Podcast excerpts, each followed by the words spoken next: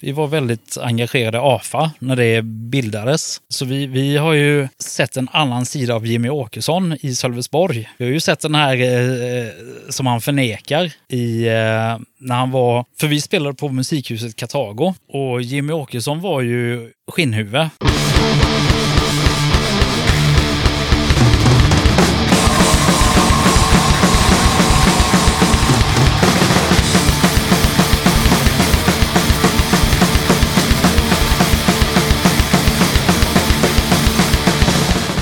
Nej men hallå där! Jag, Yxan, önskar dig varmt välkommen till avsnitt 43 av Döda katten Podcast. Vi börjar med några gigtips och så spisar vi lite musik innan vi rullar igång intervjun. Kränkt och sänkt påminner om gigget den 20 oktober i Stockholm. Då vankas en hejdundrande punkfest på Southside Pub. Då samlas nämligen eh, de lokala röjarligorna i Apan-Japan och Käftsmäll. Gäster för kvällen är yrvädren i västkustkvintetten Kränkt och Sänkt. Så snöra på er kängorna den här dagen till ära och ladda upp för pogodans. Kalaset kostar endast 50 spänn. Den 19 och 20 oktober är det Disoktoberfest i Göteborg. Det kostar 100 spänn per dag och allt eventuellt överskott går till Ingen människa är illegal. Det blir band från Sverige, Spanien, England och Argentina. Lirar gör Selke Sauna, Scum System Kill, Hazarder, Unhedony, Crudiacs, Heavy Bleeding, Contorture, Syphilis och Ruinas. Alaska Productions informerar om att bandet Demons är med på en eh, split med fyra band. Plattan släpps som eh, 10-tums-vinyl och även digitalt. Skivan kom ut den 20 september och heter Demolition Derby och släpptes av Retrovox Records. Förutom nyss nämnda Demons då, så återfinner vi även två italienska band, King Mastino och Black Gremlin, samt eh, göteborgarna i Scumbag Millionaire. Den 2 november släpper No Bullshit Live and Records Grå Vardags nya fyrspårs-EP. Plattan heter Vi tackar för visat intresse och fortsätter spela punk. Här kommer ett spår från EPn.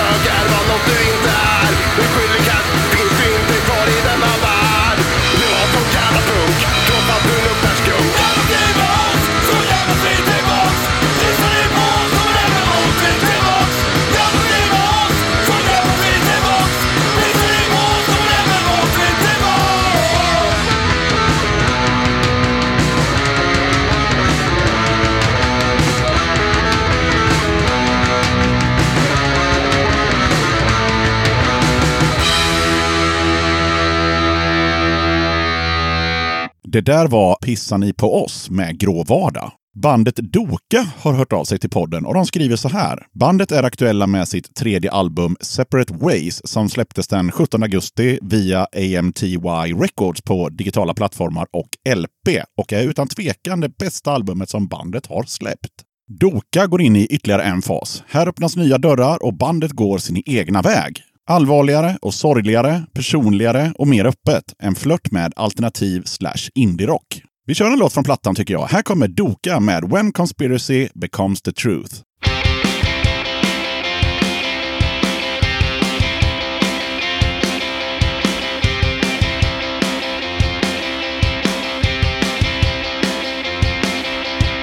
You're a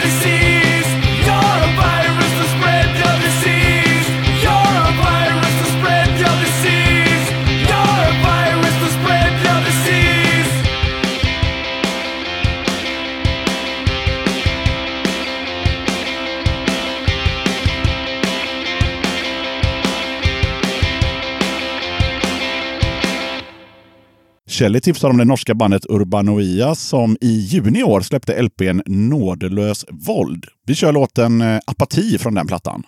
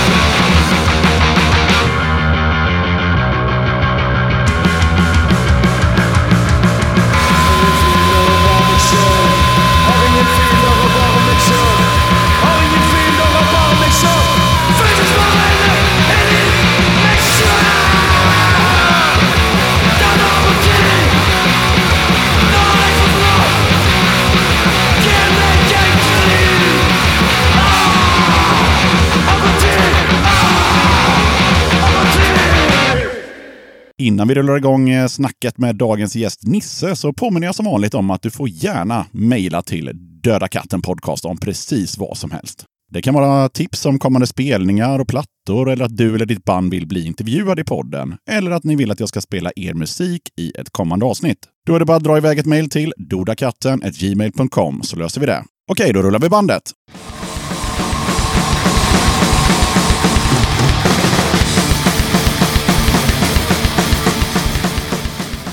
Alright, då sitter jag här med en gäst som har varit med i podden tidigare. Närmare bestämt i avsnitt 16 som kom ut i september förra året. Och eh, ja, nu lyssnar ju ni på avsnitt 43. Så vem är det vi har med oss i studion idag igen? Ja, det är Nisse. Jaha, Eh, körde vi efternamn och så, eller? Nå, alltså du, avsnittet kommer ju heta Nisse Sjöman så att eh, ja. Ja, Nisse Sjöman. eh, jäkligt gött att vara tillbaka. Får vi se var det här landar den här gången. För de som inte har lyssnat på avsnitt 16, vem är Nisse? Lite, en liten snabb eh, presentation bara innan vi går vidare. Vem är Nisse? Det är en liten eh, stor farbror. En liten stor farbror. Punkare sedan länge, farsa, spelar ibland, gör fanzines ibland. Ja, men hänger med i scenen. Ja, det låter ju vettigt. All right, eh, hur mår du? Det är ju guld efter Jaha. en sån här sommar. Ja, Stackars de som gjorde så här utlandsresor liksom. de tycker man faktiskt lite synd om. Ja, det är lite synd. För de, eh, de, de, förra köp, de, köpte sina, ja, de köpte sina resor baserat på förra sommaren. Precis, och sen bara shit, det är svalare där än vad det är. Alltså, det var ju varmare här än på semesterorterna. Ja, jag fick faktiskt rapporter från folk som eh, var ja, på Mallis till exempel. Eh, och det var kallare där än här i exempelvis i juni. Ja. Jävligt synd om dem. Så det är gött att ha varit hemma. Och sen, sen var vi i Köpenhamn. Men det var ingen sån där mm, köpa skivor eh, semester, utan det var bara koppla av från allt. Ta semester från eh, punk, från jobb, från... Vad gjorde Så, ni då? kollade... Vad gjorde vi? Vi var ju i Christiania. vi...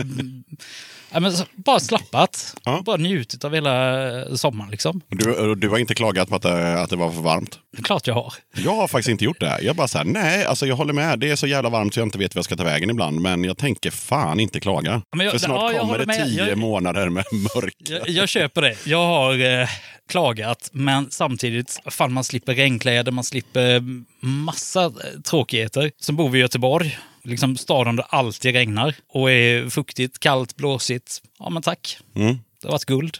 absolut. Sen har man fått leva lite medelhavsaktigt, liksom softa på dagarna, gå ut på kvällarna. Ja, så har det ju blivit. Man har ju fått vänta på att, eh, att det blir lite ja, innan man går ut. Gött, gött. Eh, ja, tanken den här gången då är så här ett år senare att vi ska prata lite mer om Nisse som person. För förra gången så pratade vi ganska mycket om eh, punk i Blekinge. Även om vi kanske var inne på, på Nisse lite grann. Sådär. Har du förberett dig? Nej, ingenting. Ingenting. Okej. Det, jag eh, lämnar allt till yxan här istället. Så. Ja, ja, okej. Men innan vi river igång på riktigt då, så tänkte jag att eh, ja, som vanligt i podden så har vi alltid lite musik. Och då tänkte jag att då får du välja tre låtar som kommer klippas in under snacket här så det inte bara blir kött. Liksom. Ja, du vet, jag, jag är ju en trogen lyssnare. Jag har ju slipat på det här. Ja, Jag men då har du ju förberett dig. sommarlista, liksom så här, eller sommarläxa har det varit. Ja, Men jag skitit i det. Jag var så jävla pepp och har suttit och gjort listor så bara fuck tre låtar. Nej, men eh, ska du ha dem nu? ja, det är nu vi ska ha dem. Helvete. ja, då kör vi Discharge, Hear Nothing, See Nothing, Say Nothing. Gött. Nummer två får bli någonting med Crass. Okej. Och istället för att ta någon gammal så här, klassisk så Big Hands. Big hands. All right. Och vi avslutar med eh, Napalm Death, Nazipunks Fuck Off. Ja, men det där blir I, bra. alltså Dead Kennedys klassiker i deras tappning. I, i Napalm Death-takt. För Ja. den är ju mycket coolare. Ja. ja, vad fan. Då, då firar vi av hela skiten. Ja, nu, nu bara kör jag. Det, Ja. jag har pluggat på det, gjort massa olika och nu blev det de här idag. Ja, och det är de ni får dras med. Och jag tyckte det var ett bra val. Vad har du fått för eh, respons på det avsnittet som du var med i senast, nämligen nummer 16 där då? Ja, du har ju inte sagt någonting. Nej. Men nu sitter jag här igen. Det måste ju betyda att det var bra. Så självklart gick man in och kollade. Bara, oh, det, det är många som verkar gilla det. Det är ju skitkul. Ja. Eh, sen vet jag inte om det är kul för Yxan eller för mig. För det, det tyder på att han gör en bra podd. Och då kanske det var han som gjorde att jag var trevlig. Eller så är det... Ja, men det, det, det klickade helt enkelt. Mm. Jag tänker lite mer på just folk. Vad har folk sagt till dig? Har, har någon Ja, liksom Folk sagt... har ju sagt självklart att det var jävligt kul, det var intressant. Rockpodden hörde av sig efteråt, Ja. ville köra någonting eh, som jag inte tror har kommit ännu. Mhm. Det klipps väl fortfarande och fixas. Och, Ja. Men, eh, men det var jävligt kul. Mm. Och ja, men det, ja, det jag har hört är bra. Och så har släkt och vänner och fru och Ja, en del barn fattar ju och... ingenting. Har de lyssnat liksom? Ja, några stycken där. Ja. Och, en del fattar ju ingenting. Nej, okej. Och andra tyckte det var ju coolt sådär. Och, men, ja, men släkten, här, de äldre, de, de liksom bara, jaha, eh, ja, det här är jävligt skumt. Jag fattar, jag fattar inte grejen liksom. Nej. Och det är man ju van vid. Okej. Jo, förra gången som du var med då, då snackade vi som sagt var en hel del om punk i Blekinge. Kände du att vi fick med hela punk i Blekinge-grejen där? Ja, jag känner mig färdig med det. Mm. Det var ingenting som när du satt och lyssnade efter att fan, varför sa jag inte det Ja, här? men det är väl massa grejer. Vi kan väl... eh, Vill du köra en liksom, Punk i Blekinge special i åtta timmar? Nej, kan det vi- vill jag absolut inte göra. Men jag tänkte mer om det var någonting som du själv kände att ah, men fan, jag glömde ju att nämna de här eller jag glömde att berätta det här. Så eller... är det väl alltid med allting. Ja, men du kände att det blev bra Ja, sammanfattat? det blev jävligt bra. Det, det var jävligt spännande att lyssna på det och fan, jag är nöjd. Mm, härligt. Ja, men då lägger vi inte till någonting där. Då får ni, ni som är intresserade av punk i Blekinge eh, lyssna på avsnitt nummer 16. Ja, just det. jag, jag lovade, jag vet inte om det kom med i podden, att jag skulle fixa någonting så du, man kunde, ni lyssnare kunde lyssna på det. Och det har jag ju inte fixat ännu. Att ni lyssnare kunde lyssna på vad? På musiken. På från musiken, här, eh, ja. ja. Det lovade du, ja. ja, ja Så då, det får jag väl fixa och skicka över till Yxan så får han tipsa om det. så lägger jag upp det på, på kattens eh, Facebook och Instagram och Twitter och sådär. Precis. Ja, det får du faktiskt göra. Ja. Ja, ja eh, och det har ju då alltså gått eh, ganska exakt faktiskt ett helt år sedan vi spelade in förra gången, tog jag reda på idag. Det var nämligen den 22 augusti förra året. Fan vad gött. Ja, och idag, för er som lyssnar, så spelas det här in den 25 augusti. Så att, ja, det är ett år senare. Vad, vad har du gjort sen dess? Vad har du gjort de här 368 dagarna eller vad fan det blir? Det har hänt jävligt mycket och ändå ingenting. Så att eh, innan jag åkte ut här till eh, Yxans studio så tänkte jag fan jag måste ju summera lite här. Vad fan har hänt? Och så får man frågan. Det är ju jävligt kul. Ja, Jag har, inte varit, jag har släppt ett fanzine som jag också har lämnat. Fans, just det fanzinet i den formen. Eh, men det är lite nytt på gång. Sen har jag varit med i eh, och skrivit om eh, Bob Dylan i en bok som Yxan har fått. Så den får han väl recensera längre fram. ja, precis. Jag har bara tittat på omslaget än så länge. fan har jag? Jo, eh, och jag har börjat i Laddat Lugn. Vi kommer komma in på det mer sen. Ja, det kan jag tänka mig. Men sen är det lite så här skrivande har jag kommit in jävligt mycket på. Och har lite planer på eh, en bok om ett eh, punkband i Sverige. Grymt. Och det är väl lite dumt att säga i podden vilka det är, men det, Ja, du får ju bestämma själv om du vill säga det. och det, det, nej, men det hoppar vi över. Men Ja, och på det här senaste året då, har du hunnit med några spelningar eller liknande? Eller har det bara varit jobb och familj och den biten? Ja, men det har varit lite spelningar och fan vilka har jag sett? Det, det, jag kommer ihåg vi pratade om det förra gången, att det blir inte så mycket spelningar. Ja, det för blir inte så, spelningar. Nej, så då tänkte jag att men nu har det gått ett år, så då kanske Ja, du har varit på någonting i alla jag fall. sett? Nej, men det, det, det som jag har satt, jag har ju säkert varit på fler än vad jag... Men jag var ju på den här KSMB och, och Sixten Redlös. Och det var väl kul, men allt det här runt om är ju inte så jävla kul med KSMB. Asta Kask var jag kollade på, det, det, det var väl mest för att se Sixtens grannar, som jag missade när de fanns. Sen var jag på Kajskjul och såg ditt band. Och de här eh, malaysiska, vad fan heter de, Apparatus. Men där var ju första bandet allra bäst. De här tjejerna, Koma Asociala. Det, alltså jag, det är trubbel första gången jag såg dem och Koma Sociala som liksom blåser varenda jävla eh, ben ur kroppen på mig. Trubbel, det var förmodligen innan första singeln, tror jag. Och det, det var ju någonting så här, Håkan Hellström på speed. Och så går jag på den här, och fan, ja, men det är ju gött liksom. Och Koma Sociala, så där bandet som liksom verkligen är fuck off, fuck you, skiter i allt och är verkligen superpunk. Det, det var ju så jävla häftigt att se dem. Och de byter instrument och ja, jag vet inte hur många spelningar de har gjort, men fy fan vad bra de är. Och coola. Och coola, då shout-outar vi Det, till det, är dem väl, helt enkelt. det är väl attityden som man liksom... Eh, musikaliskt kanske de inte var världens bästa, men attityden. Jag tror jag lyssnade på eh, någon podd häromdagen där jag är ganska säker på att det var Värvet och så pratade man om, ah, jag, kommer inte ihåg vilken gäst det var, men jag, jag tror det kan ha varit typ Robert Gustafsson eller något sånt där. Och då pratade han om just det här att eh, problemet när man blir äldre och bättre på saker och ting. Nu pratade han om skådespeleri, men han gjorde också en parallell till faktiskt just punk. Och då sa han ju det att ja, Alltså det är, ju, det är ju bättre när energin finns och man väger upp det. Alltså man väger upp att man inte är superduktig med att man har massa energi och massa vilja. Och sen tio år senare så är man mycket duktigare på sitt instrument till exempel. Men man har inte samma energi längre. Nej, Nej, det blir rutin. Då, ja, så då Du blir, vet hur du ska spela, du vet hur du ska låta, vad publiken vill ha, vad, vad som är punk. Punken vi snackar om, det är ju inte ute efter pengar, men det är ju kul att få liksom sälja sina skivor, merchandise, komma på turné. Men fan, det är ju sällan ni, man liksom slår någon på käften liksom musikaliskt. Nej. Och det är ju den här attityden som är så jävla grym och som är så... Det är inte många spelningar man ser längre. Nej, det- många band man hör som, som har den här käftsmällen när man kommer i kontakt första gången. Den är ju helt jävla magisk. Sen finns det ju givetvis band som har rutin och fortfarande har energi. Jag tänker på fredagen den 13 som jag såg på Brewhouse för, förra helgen och sånt där. Jag bara, de har ändå gjort hundratals spelningar. Och det är, Trubbel som jag sa. Ja, Det är ju exakt. fan rutinerade Ja, ja. musiker Men det är fortfarande fullt ställ och full energi och, och spelglädje och, och hela den grejen. Så att eh, det, det finns en del band. Men Ja, Det är nog jävligt farligt i, i, i musikersammanhang och, och liksom gå in i slentrian. ja, ja. På Alltså, ett sätt. På ett sätt alltså man, man blir ju bättre, men Det behålla gnistan. Liksom. Det handlar nog mycket om att man ska på något sätt behålla gnistan och vara tacksam över att man har blivit bättre på sitt instrument och bandet som, som sig har blivit bättre som band för de är mer sammansvetsade. Och då får de inte bli liksom lata och bekväma utan måste fortfarande liksom utmana sig själva. Det är väl det som är grejen helt enkelt. Som laddat lugn. Som laddat lugn. ja, ja, men vad kul. Okej, men då har du varit på lite gigs i alla fall då. Har det blivit ganska mycket? Ja, Tre kanske. tre kanske.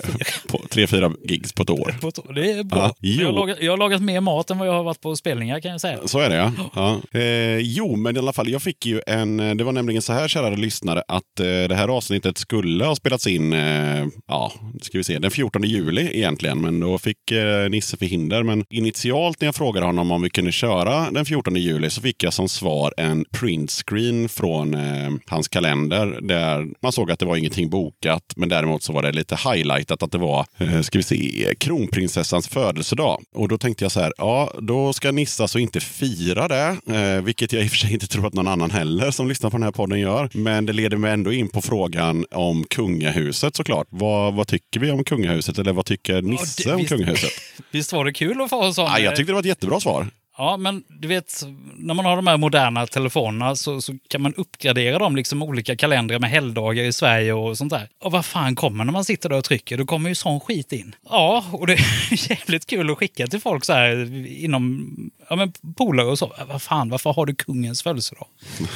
Ja. Men det är, vad fan tycker jag om kungen? Eh, Det är ju Sveriges största socialbidragstagare. ja, det är det ju. Och det, det är väl lite synd. Ja, Han har eh, jävla massa hus som... Eh, ja, men det kan väl vara gött. Det, man kan göra jävligt mycket annat av det. Vandrarhem, eh, hus för hemlösa. Nej, nej, kungen har spelat ut sin roll. för det verkar finnas två Eller spelat läger. ut sin roll, vad, vadå?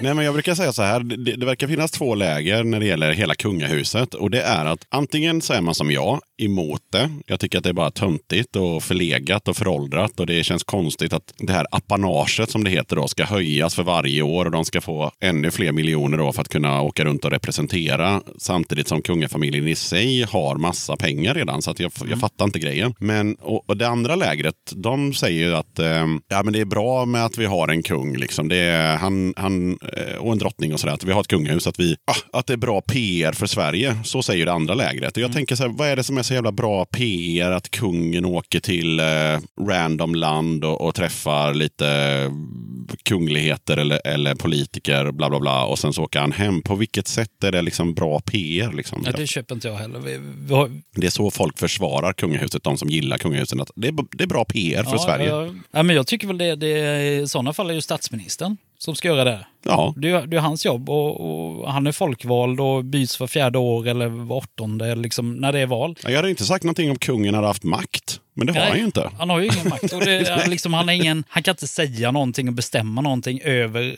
landet vi bor i. Nej, Han måste vara neutral i alla frågor. Och, ja, det, är Så ja, men det, är det, det är den största socialbidragstagaren ja, som har det jävligt lyxigt. Ungarna hamnar på fina skolor. Och, få bra lägenheter och, Ja, så vidare. Ja. det, det känns lite, i synnerhet som Sverige ser ut nu, Det är bostadsbrist, arbetslöshet, folk har skitsvårt att hitta Det jobb. blir, det blir lite av en nagel i ögat. Det är ju inte så typ att om, bara om vi avskaffade kungahuset att alla skulle få någonstans att bo och alla skulle få ett jobb. Utan det är mer att det är en nagel i ögat. Att Mm. man faktiskt delar av din lön går till att... Jag menar, Sverige hade kunnat få in mer pengar på jag menar, de här slotten. Jag vet inte om det är statligt eller var fan pengarna Nej, kommer ifrån. Men tänk ett statligt vandrarhem i Stockholm på slottet liksom. Ja, ja. Fan vad pengar vi hade fått in istället för att lägga. Men skulle där, man kunna sammanfatta det med att du inte firade kronprinsessan Victorias födelsedag? Jag firade den genom att...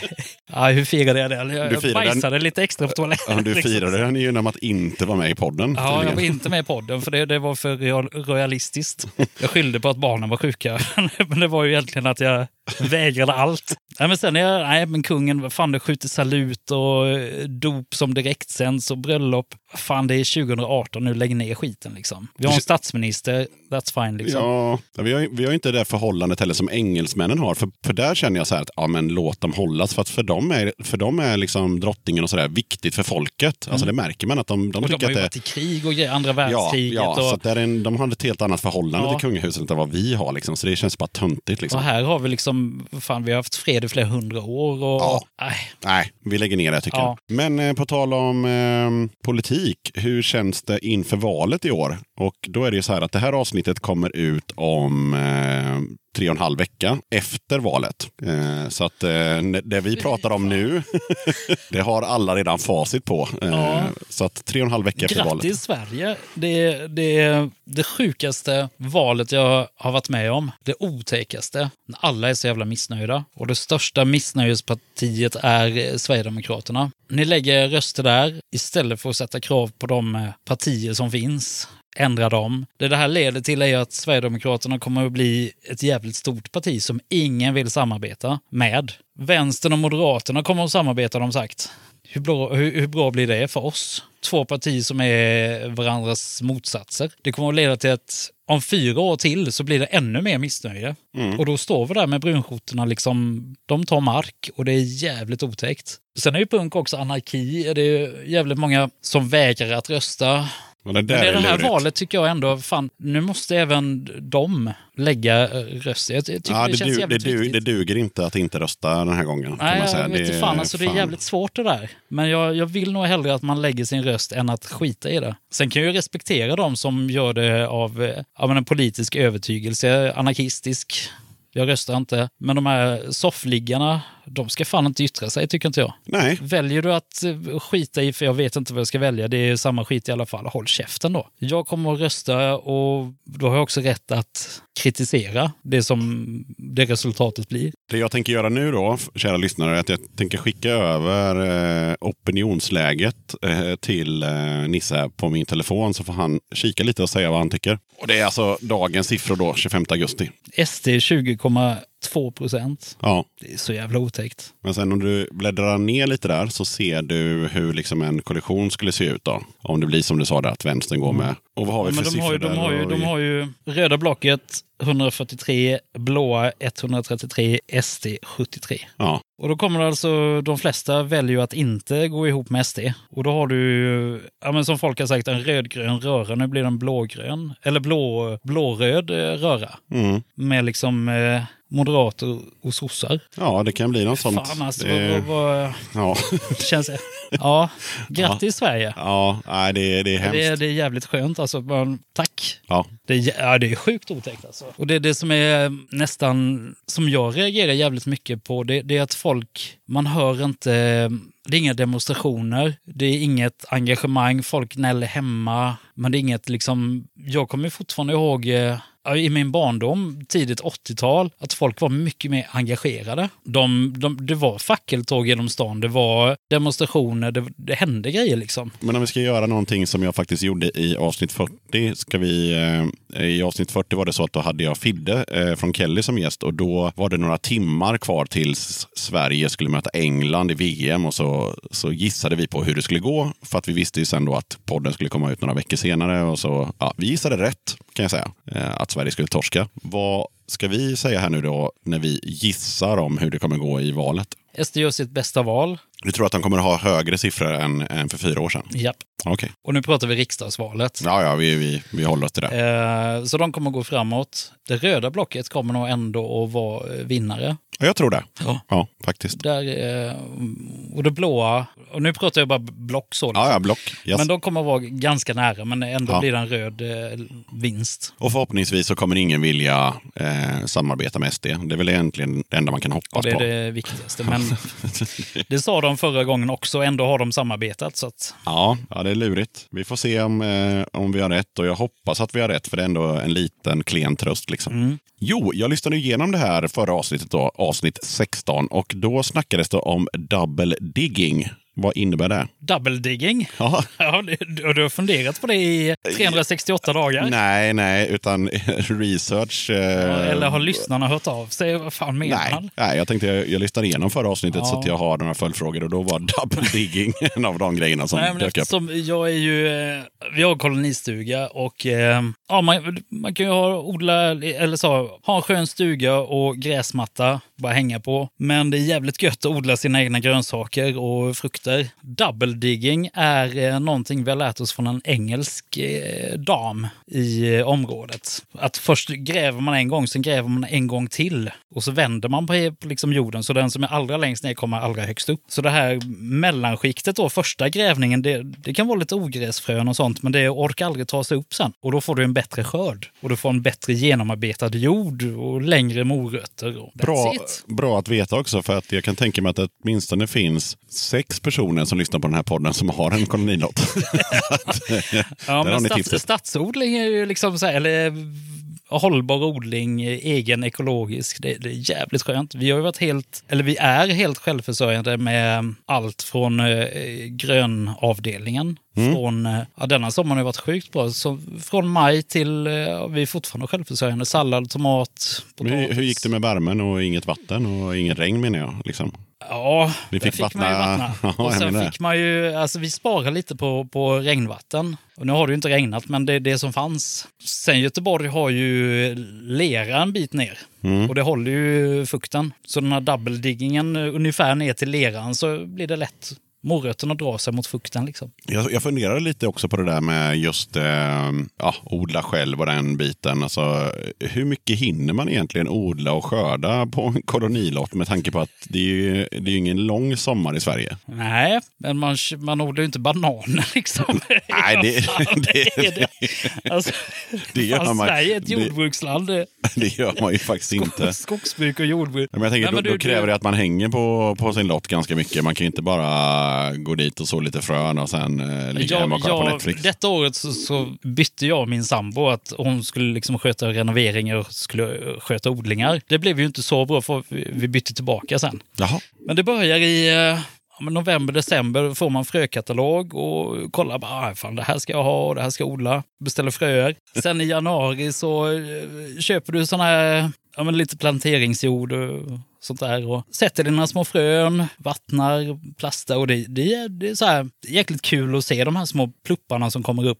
Eh, Tyvärr så råkade jag döda allihopa. Jaha. Det gick inte så bra, men så då blev det, nej fan, nya fröer och så planterar vi direkt ute i landet i Ja, okej. eh, april ungefär. Ja, men det var en jävligt bra vår där. Det var lite fuktigt i början, sen blev det varmt. Så det mesta går ju att odla. Och det, Förutom bananer då. ja, inte bananer, det, men morötter, lök, örter, sallad, potatis.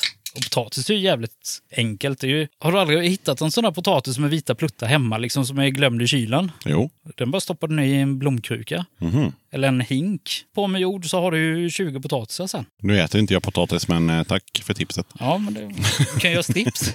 Chips. Nej, men alltså jag, jag kör ju LCHF så jag äter ju inte... Du är också en LCHF. Fy fan vad det är inne. Ja, ja. Nej, men jag har ju ändå tappat en eh, 15-16 kilo på Mm. det. Jag tror inte det är så mycket potatisen, utan jag tror att det är att jag inte äter godis, chips, eh, läsk framförallt, socker, bakelser, ja, hela den grejen. Hur länge har du kört LCHF? Ett och ett halvt år. Jaha, ju så att resten av eh, Laddat Lugn är ju LCHF också. Alltså, Men bärs kan du dricka. ja, det borde man ju inte göra, men man kan ju inte sluta leva heller. Så att, Nej. nej. Yes. Eh, Ska du ha mer odlingsgrejer där? Jag, ja, ja. jag kan ju köra på där att detta, jag vill alltid göra något så speciellt eller odla något konstigt. En del odlar ju liksom marijuana, jag, jag, eh, kör mer lagligt. Så detta året så har jag odlat eh, senap.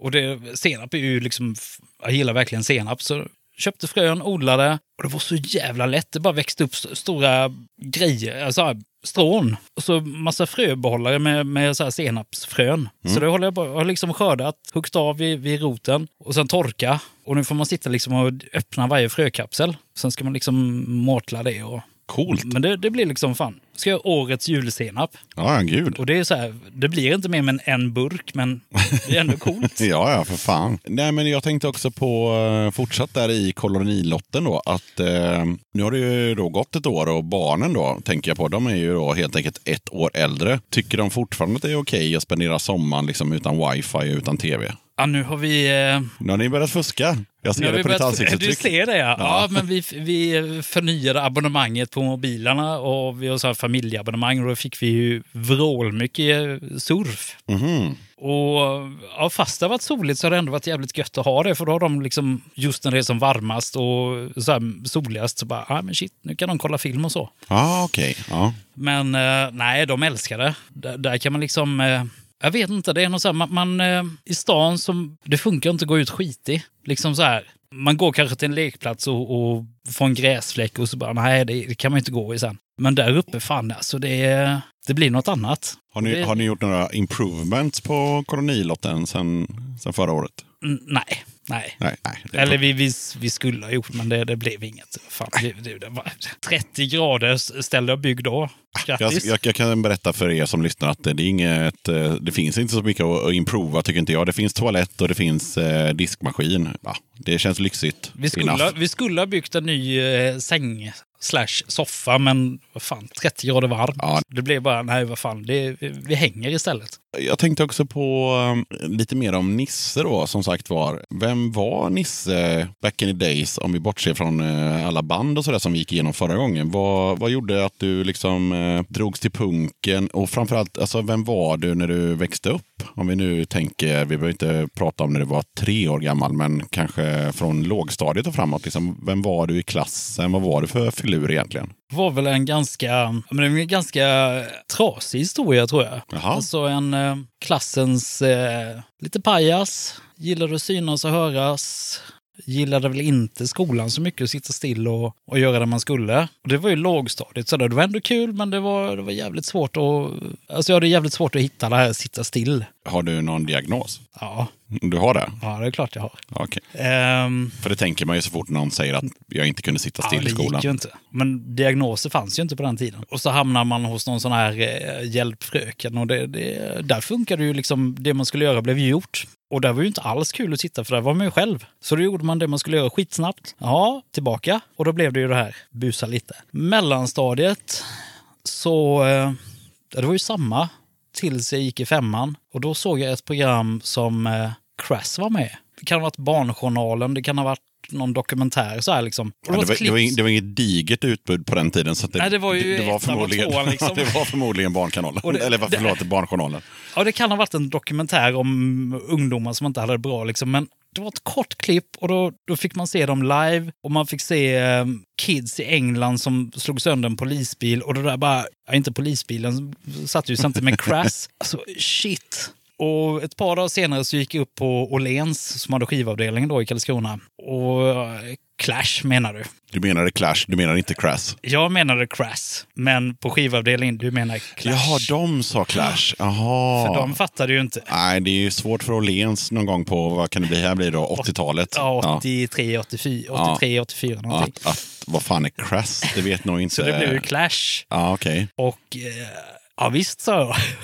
och tänkte jag, jag måste ju ha hört fel. Och det var ju chock. Det var ju så jävla dåligt. Men jag gav ju liksom inte upp utan, ja men har ni något som liknar det här? Och då blev det ju Nevermind the Bollocks. Där började ju, fan nu händer det grejer. Och min bästa kompis i klassen, han eh, började också intressera sig för lite annorlunda musik. Så här, men det var ju åt hårdrockshållet ja, men via Okej tror jag vi kom in på liksom, där fanns det ju ändå... Mötley ja. Crüe och sådär. Man bara, ja det är coolt. Och framförallt de här annonserna. T-shirts med tryck och skivor, var man kunde köpa dem. Och där liksom, shit, och det stod ju punk som rubrik. Jag kommer också ihåg att jag tyckte det var så konstigt. Eh, Det var alltid en annons från, eh, jag kommer inte ihåg vilket företag, men så stod det liksom att det var horror. Mm. eh, Någonting. Ja, Ja, eng engelska på den tiden var ju inte samma sak som nu heller. man Liksom. hade liksom precis lärt sig, eller börjat där. Man började med engelska i fyran, så man var ju inte helt med där. Okej var ju en sån där, alltså det, det, och just det här med annonserna, det, stod, alltså det fanns så här, alltid någon så här Ginsa eller någonting som hade annons. Och det var ju så här, det stod ju olika rubriker på, på liksom musiken, hårdrock, punk, dansband. Och fan, då, då kunde man börja köpa där. Det var ju mellanstadiet. Högstadiet sen, ja men då, då blev det ju, då träffade de ju fler likasinnande. Som liksom, det fanns ju punkare då när man började sjuan och äldre och då, då kom ju, då kom man ju bort från de här eh, ja, men de här banden som fanns att köpa på postorder, alltså på, på stora eh, firmor och sånt. Eh, och då blev det ju mer de här man köpte från olika distros och, och köpte direkt från Skvaller Records och Rosa Honung och på den tiden när Anticimex-singlarna kostade 15 spänn. Mm. Det har vi pratat om tidigare. Jag fick faktiskt en feedback häromdagen på att eh, jag berättade ju i något avsnitt att jag köpte Faktin Finland från Ginsa för 10 spänn. Eh, Ja. och det var någon som skrev, det gjorde jag också.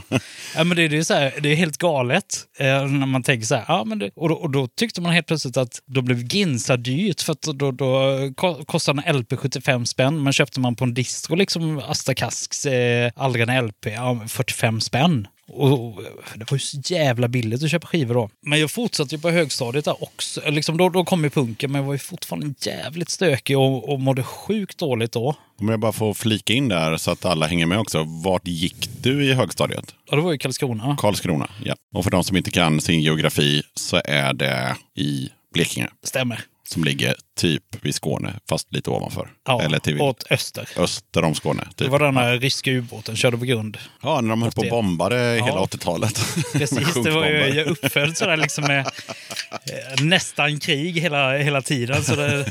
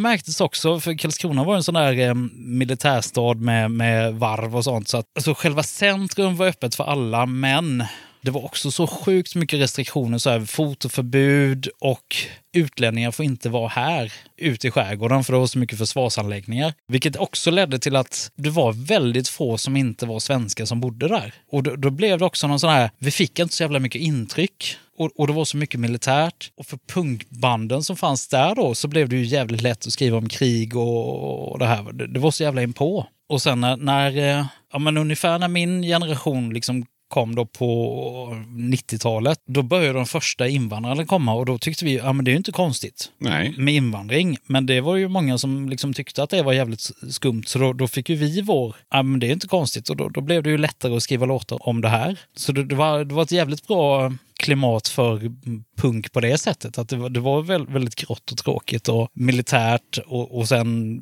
ovana vid andra människor, andra kulturer. Rädda för andra kulturer. Väldigt det. rädda och misstänksamma. Misstänksamma, ja, Ja. precis. Ja. Och det, det vet jag inte, varför var inte vi det? Varför, vad skilde oss från det? Det, det är sånt där som man tänker nu när man är äldre. Varför, varför valde vissa att spela handboll och ändå liksom tycka allting var jävligt skrämmande? Och varför valde vi det här som var Ja, annorlunda? det där är superintressant, och, men också någon slags röd tråd när man pratar med folk som eh, på ett eller annat sätt kom in på punken. Så ofta då från småstäder så var det så här att antingen spelade du då i, i ert fall då handboll och i de flesta andras fall då så är det fotboll eller hockey. Mm. Eller så lirar du i band. Och just de där människorna som lirar i band, det måste inte ens vara punk, utan de, de lirar i band. Och de människorna på något sätt gjorde sin värld större, även om de bodde i Karlskrona eller Motala eller vad som helst. De, de aktivt breddade sin världsbild. Ja, men det med- var inget som var konstigt. Nej, men, men jag tror att också att de gjorde det liksom på det sättet att, som du säger, där, att man, ja, man fick kontakt med distros och Mm. eh, en annan... eh, Man fick kont- alltså det fanns inte internet, men man fick ändå kontakt med, med omvärlden på något sätt. Och det är det jag menar med att det måste inte vara punkt. Det kan ju vara, ah, inte fan vet jag, så här industrisyntare eh, i, i, i Borlänge 87 gjorde exakt samma sak. Att de, man liksom började hitta utanför 50-skyltarna på något sätt. Medan de som höll på med ja, sport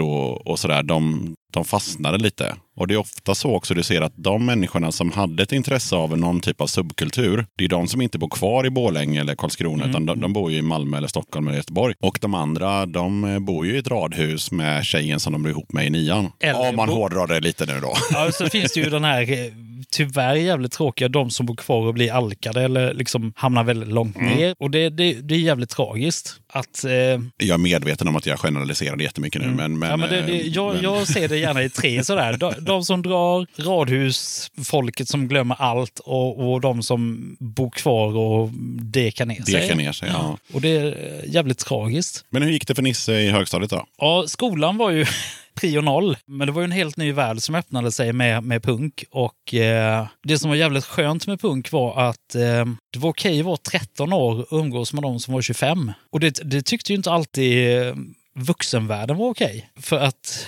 så fort du var liksom 18-20 och umgicks med yngre, då var det ju någonting som var jävligt konstigt tyckte de. Ja, det kan jag tänka mig. Ja. Och det var, ja men de köper ut och de knarkar och och nej, det var inte okej. Men det var ju jävligt okej. Och de, de här äldre såg ju efter en som man var bror eller syster. Men de det har- var inga problem att, att få någonting utköpt från bolaget. Nej, det jag skulle säga nu var att du är ändå pappa själv. Mm, hur skulle du känna om din dotter som är 13, eller kanske hon inte är nu då, men när hon blir 13, umgås med en snubbe som är 25 och hans här, polare? där får vi klippa. Fy fan vad jobbigt det är nu. Nej, vadå? För du sa ju precis själv att det var, det var coolt och att du var 13 och hängde med folk som var 25. Mm. Och så hade vuxenvärlden lite åsikter på det. Nu är du i vuxenvärlden och du har barn och de kommer bli 13. Och då tänker jag att det är kul tankeexperiment att då din 13-åriga dotter hänger med ett gäng 25-åringar. Mm. Då kanske det inte är så Eh, okej Men då, längre. då ska väl inte jag göra samma misstag som vuxenvärlden gjorde med mig, att fördöma innan jag vet vilka det är. Nej, precis. För det gjorde ju vuxenvärlden då. Det var, det var siffrorna som var det viktiga, inte människorna. Och det är ju någonting som jag faktiskt har med mig nu, att ja, det är ju inte så jävla kul kanske att umgås med en 13-åring Nej. som bäst. Alltså. Men jag har inga problem att snacka med en 13-åring om vissa grejer. Sen, och sen jobbar jag på en gymnasieskola. Jag känner ju igen mig så jävla väl för att allting är antingen eller. Det är svart eller vitt, bra eller dåligt. Nu är jag 45. Ja, det finns en gråzon också. Och visst fan har jag också fått fördomar som jag inte hade när jag var i den åldern. Det Och finns, det, någon, kan ju det, det finns någon, lite. Ja, och det, Det- finns det- någon, säg, eh, någon sägning om att man, eh, man blir sina föräldrar när man är 35-40, vare sig man vill eller inte. Helt plötsligt säger man meningar Mm. som ens föräldrar sa, som man lovade att det kommer jag aldrig säga till mina barn. Nej, det är... jag, jag kan väl säga så här, till mitt försvar säger Nu grillar jag Nisse jag, jag fick eh, diagnosen ADHD när jag var 30. Och de försökte utreda, alltså det fanns ju inte de här diagnoserna när jag, när jag var ung. Och jag gick jättemycket på BUP och eh, liksom hamnade i massa så här trubbel och skit. var ganska jag var- var väl en riktig jävla värsting som folk var rädda för. Jag gjorde jävligt mycket dumma grejer. Men det jag har liksom, visst har jag gjort fel, men det är ingenting jag har liksom tagit bort från mig själv. Och när jag valde sen yrkesliv så valde jag att bli elevassistent och jag ser det som mitt yrke. Och jag har kvar det här tänket att det lärarna gjorde mot mig, det vuxenvärlden gjorde mot mig, det är ju så det inte funkar för de kidsen. Så jag är ju både vuxen, alltså det här som du sa, man blir sina föräldrar, men jag är samtidigt jävligt medveten om att det är farligt att bli den människan. Och så, så nu kör jag väl en balans att men jag vet jävligt mycket och jag får sjukt mycket tålamod. Och ja, du tycker så. Det är okej, du, du provocerar inte mig. Men jag kanske blir provocerad innerst inne. Men,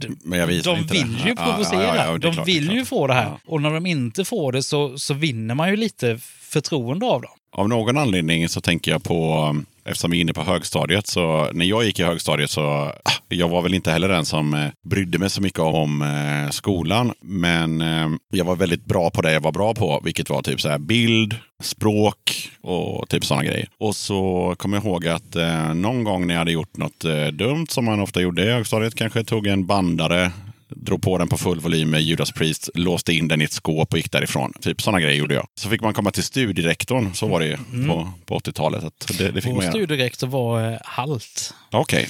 Och vi var inte så snälla mot honom. Och han, eh, han skulle jaga oss en gång, liksom, för då hade vi gjort något, jag vet inte vad, men han blev så jävla arg och rektorn var inte där. Och då skulle han ja, springa efter oss, vet du. Och det var ju, det blev ju jävligt fel.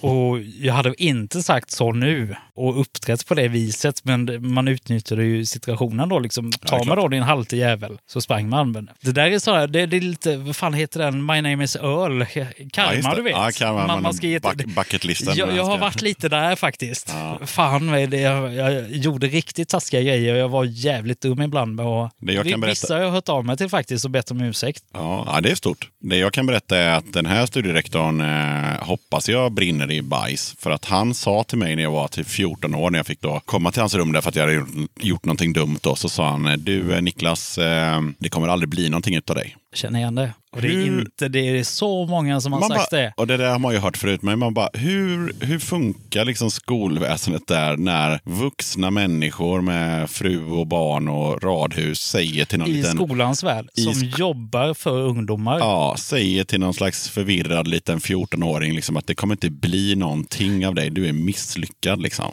Så, Du, jag ska säga det, min största så här, grej, då, då, jag bodde ju kvar i Karlskrona när jag blev elevassistent. Och då kom jag ju tillbaka till min gamla grund, eller så, högstadieskola. Mm. För det är ju så här överlämnande av elever för de skulle börja gymnasiet då. Och det var så jävla gött att gå in där. Och då satt ju mina gamla lärare som hade sagt exakt samma till mig. Du kommer inte bli någonting, du blir misslyckad, du kommer hamna i Håglands park, alltså alkis. det var ju typ det Och budskapet det var jag fick alltså också. det största fuck you. Det var bara att komma dit. Ja. Och det var så jävla skönt att den här misslyckade galningen, han har fått ett jobb inom skolan. Och när jag slutade nian så har jag aldrig mer skola. Det, fuck you, liksom. Jag kommer aldrig mer sätta min fot i en skola. Och det höll jag tills jag blev, eh, ja det var fan samtidigt som jag fick diagnosen där, 30. Och då bara shit, ja, men de här kidsen mår ju också dåligt. Det är inte så jävla många som fattar dem, alltså fattar hur de tänker, hur de reagerar, hur de... Det är fan fortfarande så. Det, det är sjukt. Alltså man är ju som mest påverkningsbar när man är 13, 14, 15, 16. Mm. Finns ju inget sämre än att en person från vuxenvärlden talar om att man är misslyckad och att man är en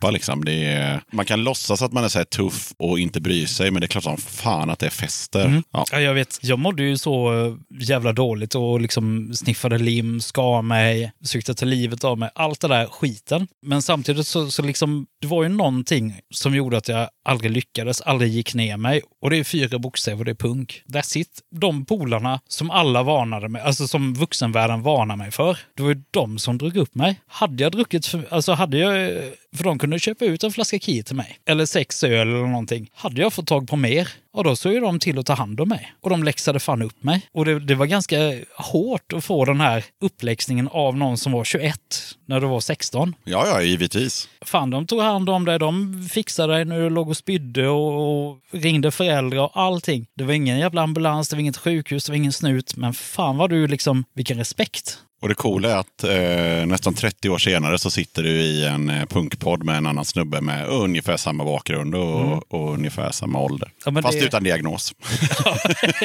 vad du vet. vad jag vet.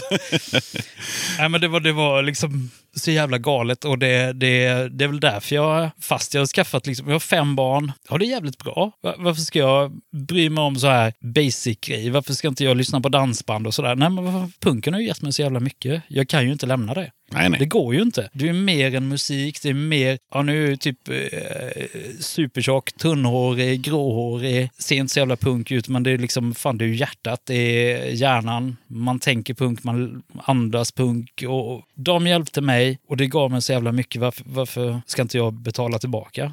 Jag har ju, och jag är jävligt bra på det. Men det är kul också det där att eh, punken sitter i hjärtat. Jag pratade ju trots allt med eh, Jerker och Löken från Rövsvett som är tio år äldre än vad vi är. De ser inte heller så jävla punk ut. Men de bara, när man frågade dem vad, vad, vad punk var så det var ungefär det du precis sa. Det sitter liksom i hjärtat. Det är, det är ingenting man går runt och tänker på hela dagarna. Men det är klart som fan man är punk.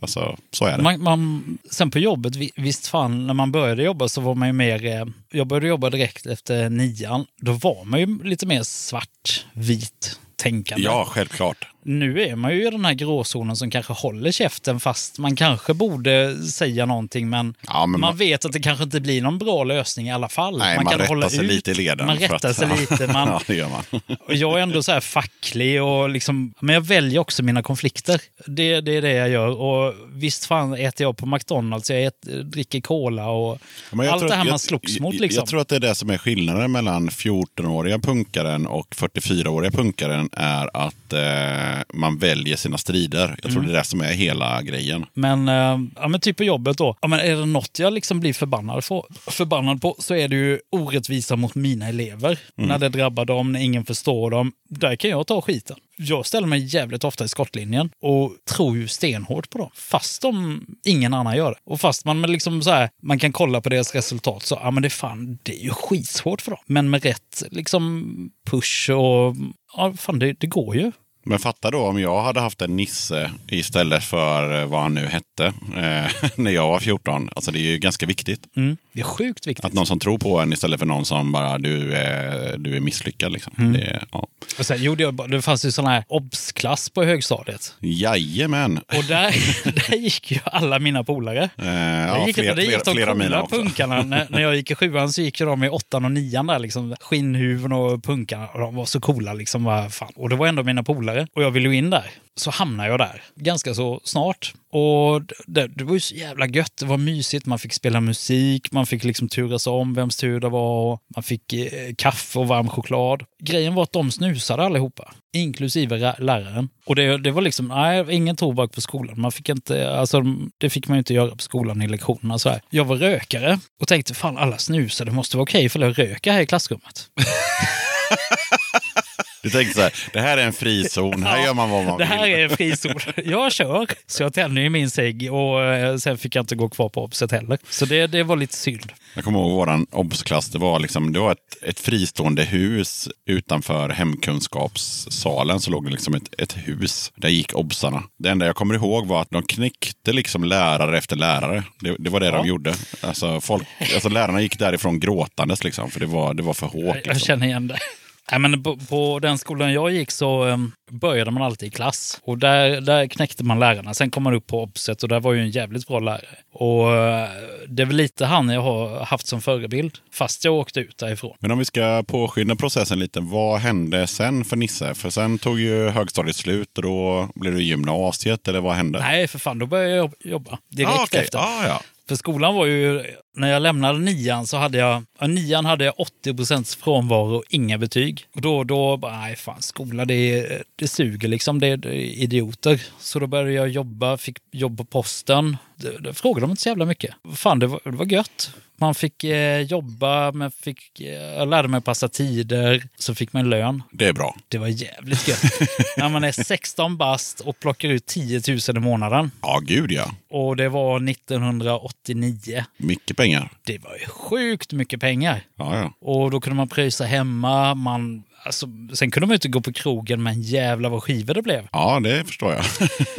Och eh, ja, men det, det blev så här, ja shit, då sparar jag pengar. Hultsfredsfestivalen, Roskildefestivalen. Men då, ja, sparade jag pengar, men så, så blev jag ju farsa ganska direkt efter där, när jag var 18. Och då kommer ju så här nästa, bara, oh shit, eh, kan man vara punk då? Kan man se ut så här? Och ska man plock, plugga och, och fogas in i ledet eller vad fan ska man göra? Men jag valde att jobba kvar på posten och eh, men jag tonade väl ner mig lite själv. Liksom. Så jag kanske inte färgade håret rött och värsta grejerna, liksom så här, en eh, nedklottrad jacka. Men, eh, och det var, det var jävligt gött för mig att få barn för att eh, Ja, men med ADHD och allt så här nu i efterhand så, så det blir ett ansvar som du liksom aldrig kan backa ifrån. Och eh, jag har alltid gillat ungar. De är, de är liksom, eh, om, om jag tänker tillbaka så här, unga då, när jag tänker nu, så tänker jag unga som är tre, fyra, fem. De säger ju bara, ja men du är tjock, tjockis, och du är snäll, du är dum. Det är ju jävligt ärligt. Och det var väl det jag såg, liksom, fan de är ärliga, de är sköna. Jag kan inte hålla på och, och jiddra nu utan sådär. Det är bara att köra. Och sen eh, blev det ett barn till, också jävligt ung. Då var jag 21. Men det, det, måste jag fråga om. Alltså, två barn, 21 år gammal. Jag gissar på att du hade lite polare och jag gissar på att de inte hade några barn. Nej. Nej. Eh, jo, en polare fick barn samtidigt faktiskt. Ja, okej, okej. Ja, men gemen, gemene man har ju inte två barn när de är 21. Nej, men min, eh, jag hade en polare då som, som fick barn ett par månader efter. Och vi var väl inte sådär, vi, vi hade ju gått på samma skolor ihop sedan mellanstadiet ungefär. Man har aldrig hängt sådär riktigt mycket. Men då blev det ju så här, fan vi, vi är så här farsor och, och lika gamla ungar, det är klart att vi ska börja hänga och, och då, eh, då började vi lira i band. Det var väl liksom vår, eh, vi höll ju inte på med idrott. Jag tänkte ju säga det, det blev eh, eran innebandy helt Ja, enkelt. precis. Det blev eh, vår egen tid. Söndagar 3 till eh, 17, repa i ett band. Och det var jävligt kul. Man, man släppte allt. Och då bodde du fortfarande kvar i Jajamän, Karlskrona. Karlskrona? Okej. Och hade väl spelat lite i band sådär fram och tillbaka från högstadiet, men det här blev ju lite mer seriöst. Och sen, sen var det så jävla kul att satsa på det när eh, vardagen blir liksom jobb, hem, laga mat, barn, familj. Alla måsten så var det jäkligt skönt att om den där söndagen, då, då ger vi järnet. Och de andra som var med i bandet, de hade ju inte familj. Så vi, vi var ganska så här bara, ja men då kommer ni, då repar vi. Och ganska så snart så, fan vi borde ut och spela. För att, jag vet inte ifall det var någon sån här eh, kombination att vi tänkte, ja men han och jag var, var ju lite äldre än de andra som var med i bandet, att vi tänkte att punk, det kan ju vem som helst spela. Man behöver inte vara särskilt bra. Och att vi kanske ville ha en extra ledig dag från familjen. Så, så fan, får du en spelning så kanske du är iväg fredag, lördag. Eller lördag, söndag. Och eh, så körde vi, körde vi så här Blekinge-turné. Plockade in massa band, hyrde musikanläggning, körde runt i Blekinge. Spelade och då, då brukade vi köra det var på julen, så det var december, november, december någonting. Körde vi Karlskrona, Karlshamn, Sölvesborg, Ronneby, Kristianstad tror jag. Och det var ju svinkul. Och då blev det liksom helger och sen tillbaka till vardagen och jaha, nej, nu, nu börjar... Pff, vem är Nisse? Nej, men jag tycker vi börjar få en ganska bra bild. Men eh, då, nu snackar vi Nisse runt 20, 21, 22, 23. Någonting där. Ja, 24 kanske. Eh, så det, det, det man börjar fundera på är ju när, när lämnade Nisse eh, Blekinge? Ja, det tar ju ett par år till. Det gör det. Det gör det. Det här bandet, vi hette ju Antons. Vi Ja. hade jävligt kul och vi, vi var ju jävligt politiska också och blev ett AFA-band. Vi var väldigt engagerade i AFA när det bildades. Så vi, vi har ju sett en annan sida av Jimmy Åkesson i Sölvesborg. Vi har ju sett den här eh, som han förnekar i eh, när han var... För vi spelade på musikhuset Katago och Jimmy Åkesson var ju skinnhuvud. Alltså, Inte skinhead så, men han, han, nu snackar vi 90-tal och skinheads är lika med nazister. Det är VAM. Han, Vitt ariskt motstånd då för de som är lite yngre. mm, han har ju lite längre hår och står en bit bort, men han, det är ju han som är hjärnan och styr sina underhuggare att sköra sönder däck, att sabotera spelningar på eh, musikhuset där. Någonting som kommer fram ibland i media, men liksom nej, det var inte jag. Det, det vet jag ingenting om. Och, Mm. men jag, jag har sett det. Han, han, han är en smart kille som visste redan då att... Eh, men han kände väl han är en ledartyp. Och de mindre intelligenta, de, de var jävligt lätta att styra. Och då var det väl tonårsbus. Jag menar, vi, vi klippte sönder elledningar på McDonalds när de skulle bygga det. Han skar sönder turnébussarnas, eh, alltså hyr, hyrbussarnas däck med, med olika band. Liksom, det tyckte han var kul. Men han, han, han var ganska smart redan då. Man visste vem det var. Man visste att de var ganska starka där nere. De var lite läskiga. Men som sagt, Antons var det jävligt kul. Vi, vi eh, var ett anarkistiskt kollektiv kan man säga. Det som jag tänker lite på sådär från ingenstans, som vi, för vi pratade om Antons i, i avsnitt 16, det är bara Antons. Mm. Mm, alltså, Namnet. Namnet ja. Ja, men det är lite... Så eh, här, vi har ett jävligt coolt punkband nu, vi heter Antons. Ja, det, det fanns en anarkist som eh, sprängde en eh, båt under andra världskriget som hette Anton Nilsson. Aha, okej. Samtidigt så har vi ju en tradition av eh, 70-talets gamla punkband. Ebba Grön, Asta Kask, Strindbergs. Det skulle vara något namn liksom Ja, så okej, ja. Och gärna lite töntigt. Så Antons då, ja fan. För det låter lite som ett dansband. Ja visst gör det. Ja, okej. Så Men då, och då, det är också lite kul egentligen när man, man spånar på det. Det kan ju komma folk som inte är rätt publik. Man kan ju få dansbandspublik och komma på en punkspelning. Det har ju inte ni tänkt på i Wolfhour. Nej, nej, nej. Det kommer nog bara de vanliga. Ja, de pratar om det när jag träffar lite folk på Obscene Extreme här i somras. Bara, vad är grejen med alla vargband? Och jag bara, ja, precis. ja, jag bara, "Va- fast så många är det ju inte. Det är ju ändå bara Wolfpack och Wolf Brigade och Wolf Hour och, och kanske ett par till. Ja, ett par till där ja. Ja, men, men vi har ju vargar i Sverige. Vad fan, jag Ja, precis. När kommer, jag- när kommer Sveriges första älgband liksom? Jag kan också berätta för de som bryr sig att eh, Wolfhour heter Wolfhour för att eh, på den tiden så var flera av medlemmarna från bandet Slaktattack och vi hade en låt som hette I vargtimmens kalla bris. Och när vi skulle komma på ett nytt bandnamn så blev det Wolfhour. Varje timme. Som då är en film eh, med ja, Ingmar Bergman. Typ Du vet, jag har ju diagnos, jag kan inte se film. Nej, okej. Men det är en svartvit jättekonstig film i alla fall. eh, skitsamma. Men eh, vi måste ju snabbspola framåt. Vad, vad händer med Nisse? Han, vad händer med eh, nu är Nisse? vi Han- liksom, han, han, eh, är tvåbarnspappa. Han eh, bor fortfarande i Blekinge. Vad, vad händer? Jag upptäcker ju att... Eh, vad fan ska jag säga? Det här blir så... Ja, men nu kör vi lite personligt då. Ja, men två barn, växer och blir större, eh, repa och spela i band som suger, fast ändå är kul. Det blir ju det att bandet dör. Fokus på familj. Och det är väl ganska vanligt när man kollar tillbaka så här. Många band lägger av när de får liksom kids som blir äldre. Alltså fyra, fem, sex, sju. Och det är väl kanske en intensiv period att ha kids i. Det är mycket, de ungarna börjar få intressen, de ska börja i fotboll. Och då, då försvinner ju de här helgerna som man kunde ha. Jag vet någonstans för mig så, så kom väl de här tankarna om, som vi pratade om, radhus och man kanske ska foga sig lite. Och, ja, men hela stilen taggades ner, liksom, man blev inte så, eh, klädseln blev inte viktig Nej. i den perioden där. Samtidigt så, så ja, men när jag tittar på, tillbaka så här så, så tonade jag väl ner klädseln. Eh, frisyren hade åkt lite så här, man, man färgade inte så här extremfärger och, och liksom så. Men sen, sen blev det väl att det kändes som en förnekelse. Är, är jag den här jävla medelsvensson som, som ska flytta ut i radhus, som ska ha det här eller är jag inte? Nej, jag är fan inte det. Men alla andra i min ålder gör det och det, det är en liten stad. Nu börjar de här polarna då, som inte hade fått barn, de började få barn. Och det är ju inte många som stannar kvar då. För då blir det ju väldigt mycket medelsvensson av dem. Och då, då blir man lite av en outsider i en, i en sån liten stad. Men jag tyckte det var jävligt kul att spela. Jag tyckte det var jävligt kul med punken och, och, och det gick ju fan inte att släppa. Så det blev ju liksom olika band och det blev eh, liksom olika konstellationer. Det är ju inte så jävla mycket folk heller i sådana små städer. Så det blir väldigt mycket, ja nu bor vi i Göteborg, det är ju inavel i alla band här men Absolut. Ja, du vet ju, en liten stad blir det ännu värre. Det, det är kanske 30 pers som gillar samma musik som, som kan spela.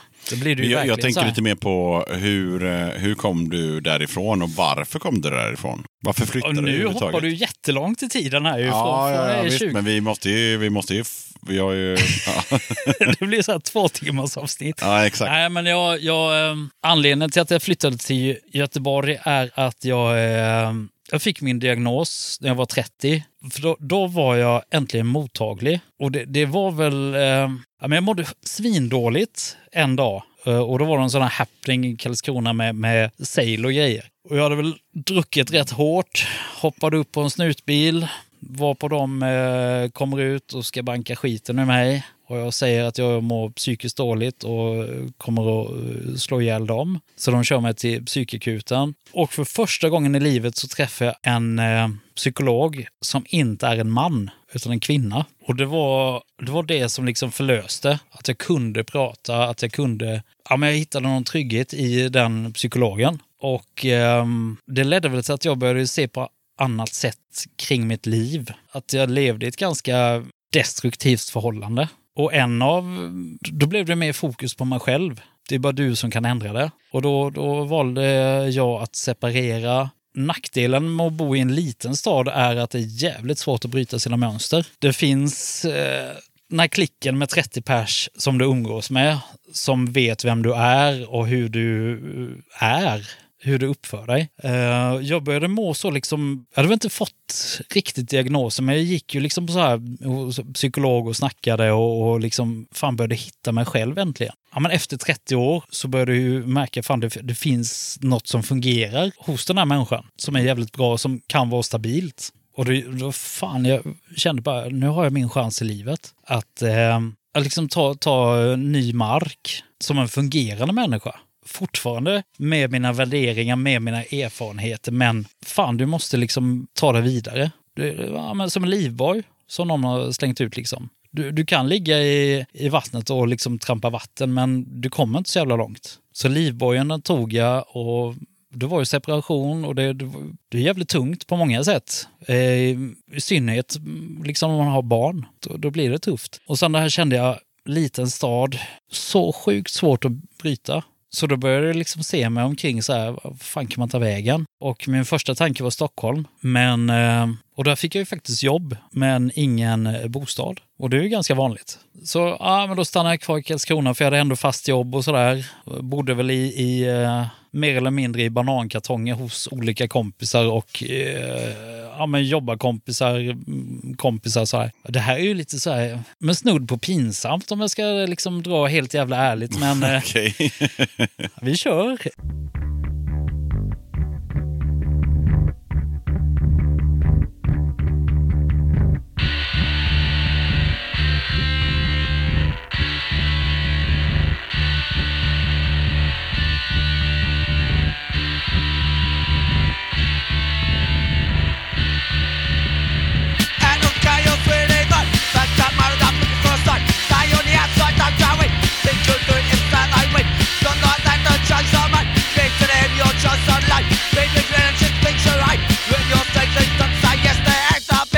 a big egg.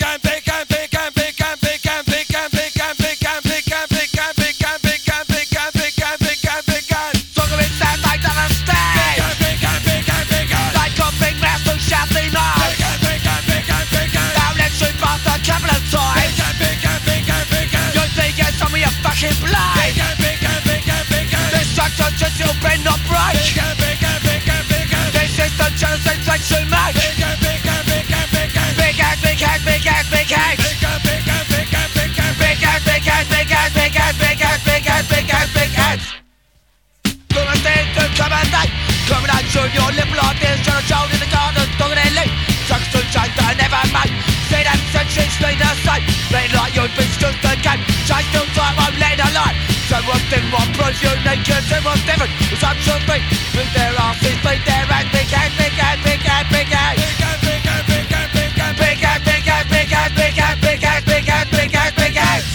Det fanns en jävligt... eh, Internet var ju liksom i sin linda började komma fram. Det fanns en, en eh, sajt som heter Helgon. Ja, Den kommer du ihåg? jajamän. Och det var ju rätt skön sida. Så här, folk som gillar vår typ av musik. Mm. Och där, där hängde jag ganska mycket. Och man kunde ju söka efter städer och samma musik. Ja, absolut. Det var ju det var lite, lite som Facebook fast... Alltså jag hade ju Helgon, men eh, ja, ni som inte känner till Helgon, det var ju ett, eh, ett community. Eh, Man hade en profil, man hade delade lite bilder och sådär och sen så ja, vad man gillade och, och sådär. Så det är En blandning av Tinder och Facebook kanske? Tinder och Facebook och MySpace typ. Ja, typ, man blandar nu vet ihop inte jag allting. så jävla mycket med Tinder med, men man swipar och kollar. Liksom. Ja, jag har aldrig haft Tinder heller. Men, men, men det är ungefär samma sak. Och så kunde man säga så här, senast inloggade, och så kunde man klicka på någons profil Mm. och så kunde man eh, skicka meddelanden och sådär. Ja. Så då, ja, jag i varje fall skrev in, för det baserades på vad man gillade. Och så skrev jag in Göteborg. Och varför? Ingen aning. Men eh, och det, var- det var ju tjejer jag var intresserad av. Och där hittade jag en tjej som, ja, det, Alex, det matchade och så jävligt kul, alltså spännande ut. Och så började vi snacka där, vilket ledde till att vi eh, började med MSN. Hette Ja, det. det. Ja. Microsofts Messenger. Ungefär som Messenger på Facebook fast Fast man hade en dator. ja, Och, och lät konstigt. Ja. Kanske du kan lägga till sådana ljud. ja. ja, men det var ett sätt att chatta helt enkelt. Och ja, men vi, vi hade väl jävligt kul liksom på chatten. Och, och sen bytte vi mobilnummer och sen bara, ja, men vad fan, jag kan väl åka upp i Göteborg och hälsa på och så kan vi gå på någon spelning och sådär. Och det klickade så jävla direkt. Och det är ju, det är ju Anna då som är min sambo, det var henne jag träffade där. Fan vad kul. Så det, det blev liksom en nystart i livet och, och det klickade och det, fan, skitgött. Och så hamnade du i Göteborg helt enkelt. Så hamnade jag i Göteborg. Med eh, diagnos, med medicin, med nystart i livet och eh, tre eh, barn till. ja. ja, du gillar ju barn tydligen. ja, så flyttade du till Göteborg och där bor du nu. Sen, vad fan är det nu, 18 och 10, ja det är 11 år tror jag. Göteborg i 11 år. Ja. Eller 12, 11 eller 12, jag vet inte. Skitsamma. Ja, jag flyttade hit eh, 96, så det blir väl eh, 20 någonting år. Men du känner dig som göteborgare? Nej, eller ja. Eller, alltså, jag har ingenting att jämföra med eftersom 96, det är ju som sagt var väldigt länge sedan. Och innan det kom jag från, från Småland, men jag flyttade väldigt mycket när jag var liten. Så jag kände ingen tillhörighet med någon stad i huvudtaget. Så det är här jag har bott längst liksom. Så att, eh, och det är här jag kommer dö. Alltså, jag, Ja. jag, jag, jag gillar Göteborg. Så. Jag känner mig som göteborgare. Ja. Och när jag åker ner till eh, Karlskrona för att träffa eh, min ena son, min morsa, det är liksom, jag åker bort. Jag hittar överallt och så, men jag får liksom ingen sån här hemmakänsla. Den är helt, alltså första åren så hade jag bara ångest. Åka ner. Ja, men det är samma här. Jag, alltså, jag har ingen hemmakänsla i, i, i Småland överhuvudtaget. Men jag kommer ju därifrån. Men jag kommer från olika byar och städer därifrån. Så jag har liksom ingen tillhörighet där överhuvudtaget. Eh, och jag har ju bott större delen av mitt liv nu då i Göteborg. Så att Gö Göteborg är, är, är min hemstad. Jag kan väl säga samma, men samtidigt när man åker runt i Göte- Jag vet inte, du har väl säkert bott på massa ställen. Jag har bara bott i Linné. Jag har bott eh, Hagen som är ut mot eh, Kungsten. Eh, eller efter Kungsten. Eh, jag har bott eh, Johanneberg.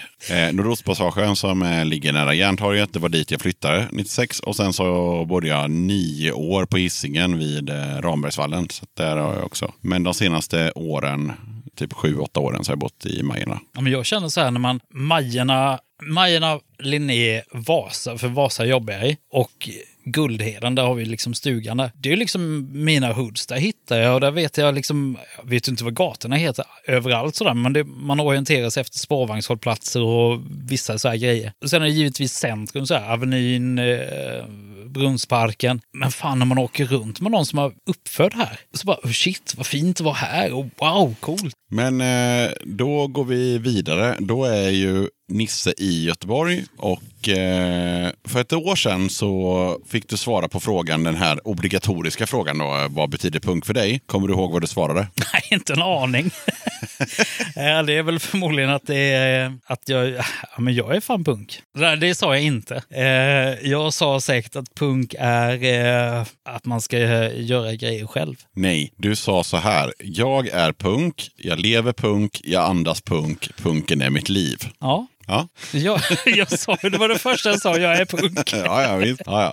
ja, det var bara kul att så här, göra en recap från ett år sedan och se om du Skulle fan ha tjuvlyssnat på förra årets program. Alltså, Ja, ja. Men skit, skit i det. Eh, nu snackar vi laddat lugn. Jag har ju knappt fattat vad laddat lugn är. Alltså, är det ett band eller vad fan är det? Ja, ni som har lyssnat då, jag snackade med Sörling i ett avsnitt här och eh, avsnitt 27 så pratar vi om laddat lugn och eh, det kom ut i december 2017 och alltså det enda jag fattade var typ att han hade lagt sång på en låt och jag har hört den här låten och eh, ni som är trogna lyssnare har också hört den här låten för jag har spelat den i podden. Men det är ungefär det jag vet om Laddat- Laddat Lugn. Så eh, Nisse, kan du bena ut vad fan är Laddat Lugn? Varför tror du att jag vet det? Nej, alltså jag tänker att du kanske har en, någon slags idé. Om, Jag är ju lite insatt i Laddat Lugn. Det finns ju någon som heter Misse i Laddat Lugn. Och det är ju ganska lugn, nära Nisse. Mm. Men det kanske inte är samma person. Det vet vi inte. Men Laddat Lugn är ju ett eh, tecknat band som finns på riktigt också. Som har släppt en kassett och ett album på diskett. Och som ska släppa en bok snart. Boken om Laddat Lugn. Men reda ut begreppen, det vet jag inte. Sörling kom ju med för att han sågade eh, kassetten. Jag tänker så här, vi ska inte nog reda ut det för mycket för att det finns ju planer på att Laddat Lugn ska vara med i den här podden. Men jag tänkte mest att eh, du har ändå någon slags connection till Laddat Lugn. Laddat Lugn är ju ett, eh, ett tecknat band som finns på riktigt. Ja, jag tycker vi, vi, vi stannar där. Det är, det är tecknat band. Jag har sett dem. De är tecknade. Har du sett dem tecknade? Ja. Ja, ja, aldrig- men ladd, jag kan avslöja så att Laddat Lugn finns eh, på riktigt och de är eh, också tecknade. De eh, var på Tysklandsturné i somras. De firade midsommar där och det rapporterade ju SVT Nyheter om.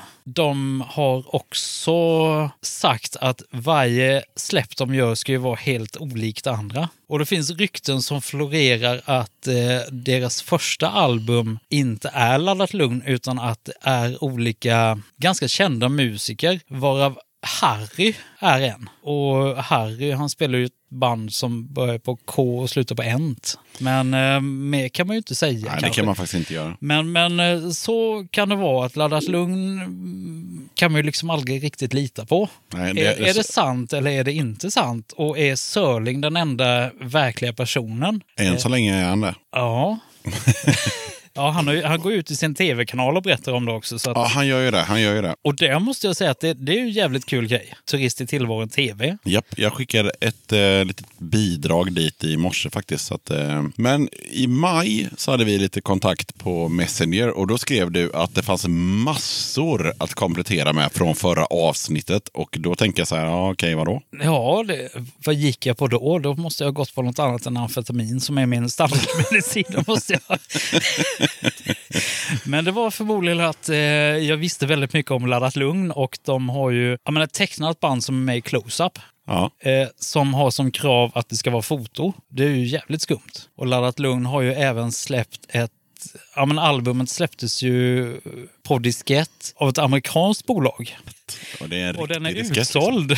Ja. Och jag, jag vet inte, den, den släpptes ju förmodligen någon gång i tidigt i våras och den är redan slutsåld. Det är ju coolt. Den är eh, recenserad i amerikanska fanzines och magasin. Vad har vi mer gjort i Laddat Lugn? Vi, eh, eller vi, Laddat Lugn har varit i Tyskland, eh, släppt album. De eh, planerar en... Eh, men grejen är att de, de går ju in i studion och är så jävla väck inför varje inspelningssession. Så de vet ju inte vad de har gjort tidigare och vet inte vad det nya ska bli. Och deras manager pappa gör ju lite som Per Gessle, att han, han skickar ju musik till dem som, eh, som ska inspireras. Och första gången var det Kraftwerk, andra gången var det Ja, det vet i fan vad det var. Alltså, det låter ju för jävligt. Men nu tredje gången så har han skickat både Discharge och eh, Crass och Johnny Thunders samt massa ska och reggae. Så vi vet inte riktigt vad som kommer ut därifrån. Det skulle bli jävligt spännande att höra. De har gjort en ny video och de uppträder maskerade, sägs det. För det är ingen som har sett dem och de har ju inte spelat i Sverige. Så att eh, vilka är egentligen Laddat Lugn? Varför är de maskerade? Är det egentligen Laddat Lugn? Är det Sör Sörling som är sångare? Frågorna hopar sig liksom. Man, man har ingen aning. Och eh, nej, men det, det, det ska bli jäkligt spännande. Och eh, tydligen live så, så är det mer performance än live. De spelar eh, playback med instrument och sång. De eh, vill ju att själva spelningen ska bli en happening istället för att, en spe, att det är en renodlad spelning. Det, det är jävligt skumma grejer det här. Ja, vad har jag mer att komplettera med sen förra avsnittet som jag inte kommer ihåg någonting av? Jag har ju pratat om morötter, double digging, laddat lugn. Jag har redan sagt att eh, jag har hoppat av fansinet fast ändå fansinet är kvar i en annan form. Då kanske du inte hade så mycket egentligen. Nej, jag har bara ljugit för att komma med i podden. Men sen, eh, jo, jag kan ju flika in att det kommer bli en tvåa på eh, Punk i Blekinge-skivan, Anarchy Blekinge. Jaha, Det kommer bli en tvåa och den börjar vi jobba på i höst. Och det kan bli lite, eh, kanske inte renodlad punk, utan punk, postpunk, indie, alltså alternativmusiken. Och att vi inte sätter stopp vid, vid 99 utan fortsätter framåt också. då kanske man kan få höra det också. Precis lika bra som gick förra gången när man skulle få höra. Ja, Ja, i alla men fall. det- det- ja, det ja. löser vi. Det löser vi. Men i alla fall, du gillar ju gubbpunk, säger du. Och då tänker jag så här, menar du att du gillar punkmusik som är framfört av gubbar? Nej! Eller gillar du att vara en gubbe som gillar- att lyssna på punk? Ja, jag har ju, alltså Asta Kask kan vi ta som exempel. De är ju, Asta Kask är Asta Kask och jag får väl säga att skulle jag gifta mig med någon förutom min sambo så kanske det skulle bli Asta Kask. För att de har betytt jävligt mycket för mig när jag var yngre. Och de är jävligt sköna snubbar. Jag gillar att, alltså, att hänga med dem. Det är kul att se dem live och sista plattan de har gjort är jävligt kul. Men samtidigt är det ju, det är ju gubbar i min ålder, ja de är ju äldre än mig. Men eh, nej, jag får säga att jag är en gubbe som gillar punk. För att eh, ha lite, svårt, alltså det, det var som det var på er spelning där i Yxan. Ja, men ni är ju duktiga, ni är ju bra, ni är ju proffsiga. Apparatus är också bra och duktiga och proffsiga, men Koma sociala, de är ju inte duktiga. Men de är så jävla kaxiga. Men de är inte gamla heller. Nej, de är inte gamla och det är... Fan alltså, det är... Ja, men det var som när vi hade en spelning eh, med Wallflower och eh, ska vi se, Rövsvett och Bristless. Och så var det ett band till. Och Det var Musikens hus. Eh, nej, det var också på skjulet faktiskt. För, för ett x antal år sedan. Eh, Sex Dwarfs också var det. Så där var det liksom, jag tror jag, tror jag räknade ut att medelåldern var 45 eller 48 eller något sånt där. För att, eh, ja, de flesta i Wallflower är runt 40. Vi har en trummis Förutom som är, Charlie. Ja, förutom Som är Charlie som 60. är över 50. Han är och- 60, 70 snart. Ja, ja, ja. Eh, och sen så då Rövsvett, de är eh, över 50 och, ja, så, och så vidare. Så det var liksom ett gäng gubbar som spelade för ett gäng ungdomar. Så kan man säga. När jag går på sådana spelningar så känner jag att det är liksom släktkalas. Ja, Ja, men det är kusiner som du inte har träffat på 5, 10, 15, 20, 25 år. Men som, fan det är ju du. Alltså man, man, man kommer ihåg för man har köpt från någons distro. Alltså det, det, det blir ett släktkalas. Det, det är gamla gubbar, eller det, det är gamlingar som spelar och det är gamlingar som är där. Det är en jävligt skön släktträff. det är en sån veteranträff. Men jag kollar också eh, på internet så kollade jag upp eh, Nisse på hitta.se. Och då hittade jag arbetssituation. Nisse är punkrocker. Ja. det är fint. Det är ändå bra. hur, hur, hur gammal är den anmälningen? Säga? Den är sen jag flyttade från Göte till Göteborg. Ja, men den är tio år ungefär. För då kunde man gå in, jag tror det var hitta.se. Då kunde man gå in och så kunde man skriva om sig själv och så var man tvungen att verifiera det. Och jag bara, fan, men jag är ju punkrocker. Så varför inte? Men jag snokade också runt lite på Facebook och eh, kom fram till att eh, Eh, förutom Karlskrona AIF och Sankt Pauli så gillar du även Glenn Hussein och Hammarby. Då tänker man det här måste vi utveckla. Vad är det för konstigt med det? Ehm, Har du hört Glenn Hysén när han läser in någon sån här galen pjäs på jag har- Soundcloud? eh, nej, Nej. Om du, om du hör den, jag, jag kan eh, skicka den till dig sen, så kommer du också gilla Glenn Hysén. Jag har lite svårt för Glenn Hysén som Glenn Hysén kanske, men han. Han ja, är fast jag hörde, jag hörde en podd med honom. Jag, jag gillar honom. Han är en anspråkslös kille. Lite som på vägen hit så lyssnade jag på eh, en podd med eh, Tommy Körberg. Jag blev jätteimponerad för att han är 70 år, eller han är mer än 70 år, och han har aldrig haft en plan. Nej, det var I, skönt. I hela sitt Han är liv. lite som mig, Han har bara liksom så här, jaha, nu fick jag det här uppdraget. men han har ju också diagnos. Ja, det har han.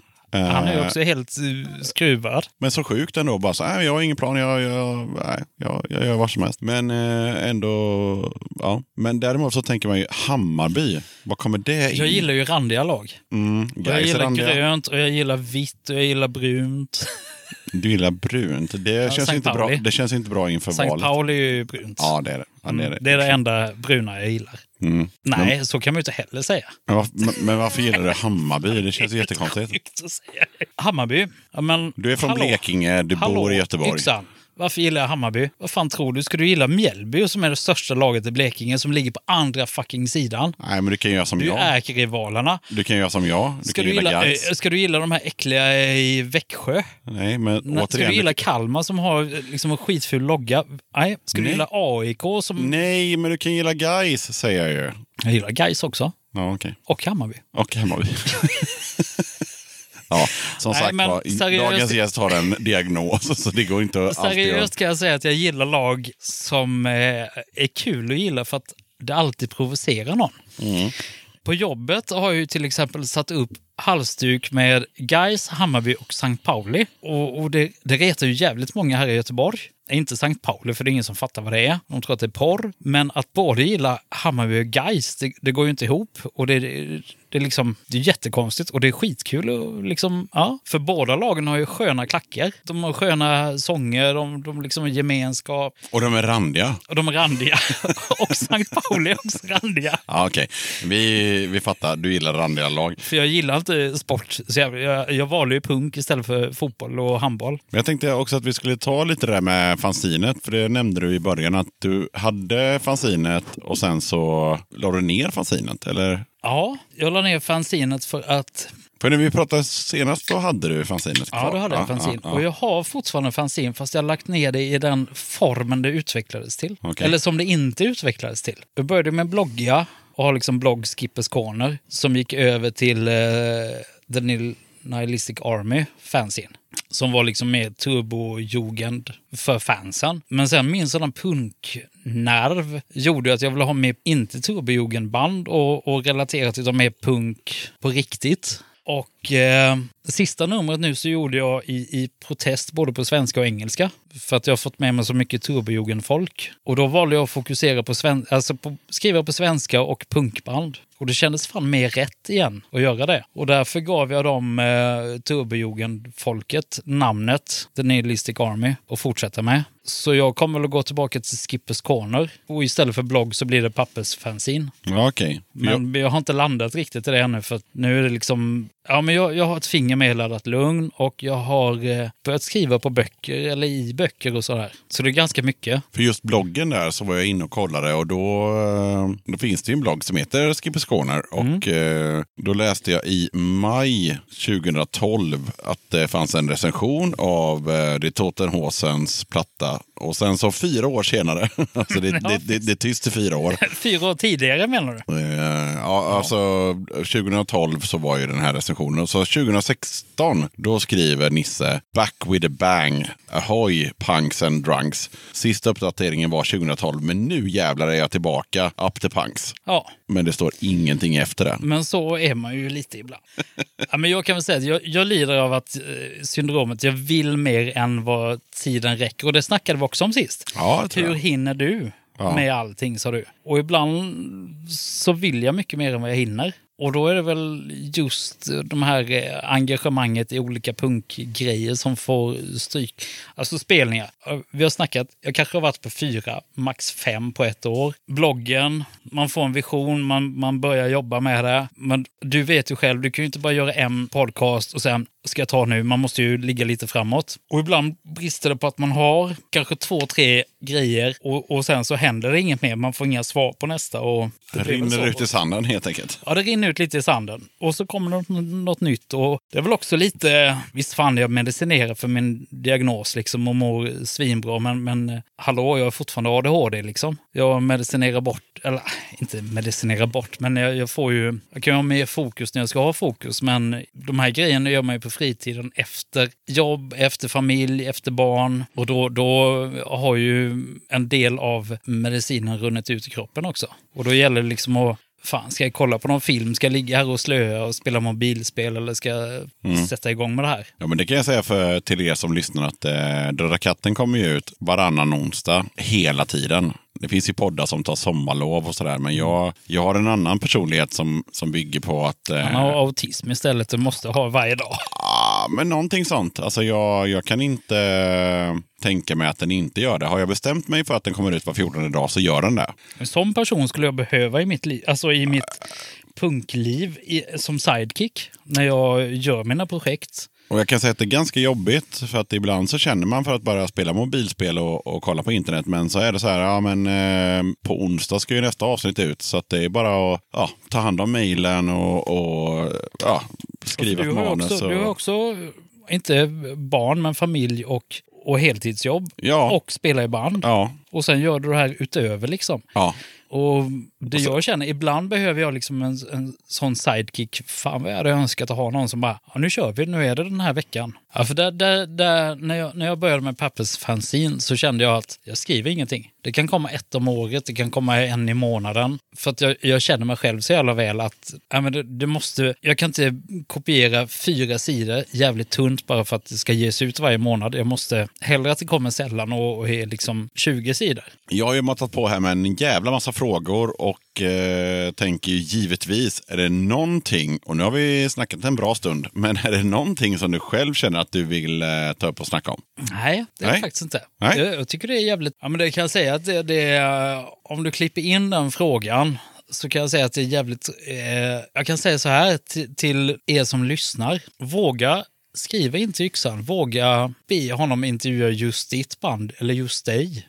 Fast du kanske är lite... Du tycker inte att du kanske inte har gjort så mycket för det. Som lyssnare så är det jävligt kul att höra de här vinklarna som yxan får på alla grejer. Och hans jävligt säkra grejer att snoka reda på och ställa frågor. Det, det gör det till en jävligt bra podd. Jag gjorde ju så att jag, han visste ju inte riktigt vem jag var och jag visste inte riktigt vem han var. Men jag skrev i alla fall. Och det, det tror jag liksom hela, hela konceptet vinner med på. För när man kollar på Yxans, ja men Döda kattens podcast så ser man att de första, det är lite kompisar. Det är lite säkra kort. För det är så man gör när man börjar. Sen har det liksom vinklats hit och dit. Och det här med, med snubben på Kellys, det, är så sjukt sköna grejer. Och Men jag, jag tror, menar, det- jag det tror faktiskt, ursäkta om jag avbryter det här, men jag tror faktiskt att den första intervjun med en person som jag inte kände var nog Nisse. Ja, kul. Ja, för att jag intervjuade, innan det så intervjuade jag något band och sådär, men då var det mer så att det kändes mer ja, legitimt att man, eh, ja, man frågar ett band och så intervjuar man. Men just att prata med en person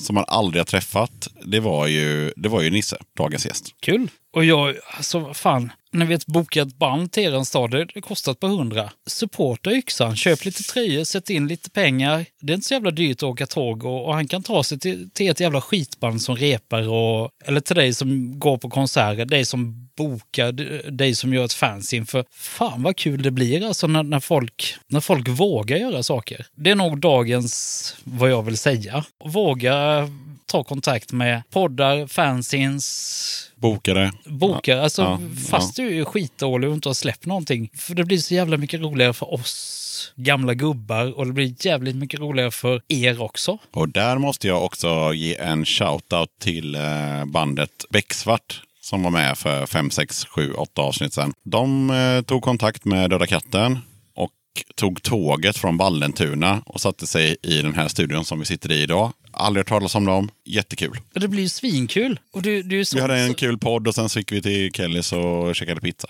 Alltså- du har ju en sån... Nu blir det jävligt mycket så här beröm till dig. Ja, men det är väl alltså, kul. Det är kul för mig. Det, det är ju så jävla kul för att det blir inte den här klassiska punkpodden att man måste känna dig, man måste ha spelat eller släppt skivor. Utan fan, den här är ju till för alla. Ja, och den gud ja. Görs av alla. Ja, jag tjatar ju om det i varje podd att så här, hör av dig, mejla dodakatten.gmail.com. Alltså, vill du vara med, hör av dig. Men alltså, gör det. Gör för det det, det blir, snälla gör det. För det blir fan så mycket roligare. Crashmanga och Mika, ja, men vi i Göteborg känner dem. Exakt. Och ni i Stockholm känner dem, och ni i Malmö känner dem, ni i Köpenhamn känner dem. Men er andra där ute som vi inte känner, Ja. Nej, alltså, jag, jag, jag vill jättegärna ha hit eh, random snubbar och, och band och tjejer från vilket jävla sammanhang som helst. Så det är bara att höra av sig. Men och jag tänk, åker, många av er åker ju till Göteborg för att Ja. kolla spelningar. ja, passa på. Hör av dig. Du kanske bara går på spelningar. Men vad fan, du har ju något att berätta. Det har alla. Och Yxan kan ju göra intervjuer i logen på spelningarna. Inga problem. Men jag tänkte också avslutningsvis, finns det någonting som du vill eh, rekommendera? Då tänker jag så här utanför boxen, alltså eh, nu, nu när det, det här avsnittet kommer ju på hösten. Är det någon tv-serie eller någon spelning eller ja, precis vad som helst som du peppar på själv? Jag För jag, brukar, jag, brukar alltid fråga om jag brukar alltid fråga om spelningar, men jag tänkte så här, det kan vara en tv-serie, det kan vara en film, det kan vara en bok, eller precis vad som helst. Eh, Finns det någonting eh, som kommer här under hösten som du känner att fan, det här skulle jag kunna rekommendera? Nej, jag säger så här. Ta dagen som det kommer. Kolla upp olika poddar, kolla upp olika skivor, böcker. Njut av livet och eh, det är väl så jag gör. Missar man något så kommer igen, ofta. Tack så jättemycket Nisse för att du ville vara med i Döda katten podcast igen. Tusen tack! Tackar!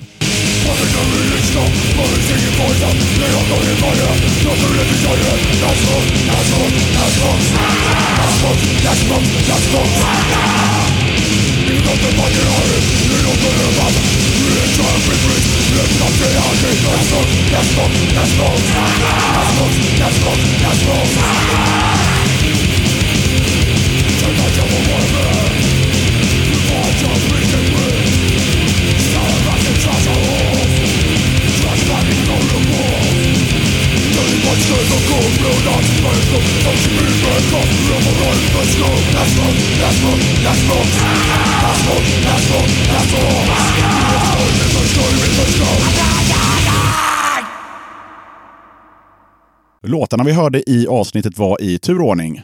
Discharge, Hear Nothing, See Nothing, Say Nothing, Crass, Big Hands, Napalm Death, Nazi Punks Fuck Off.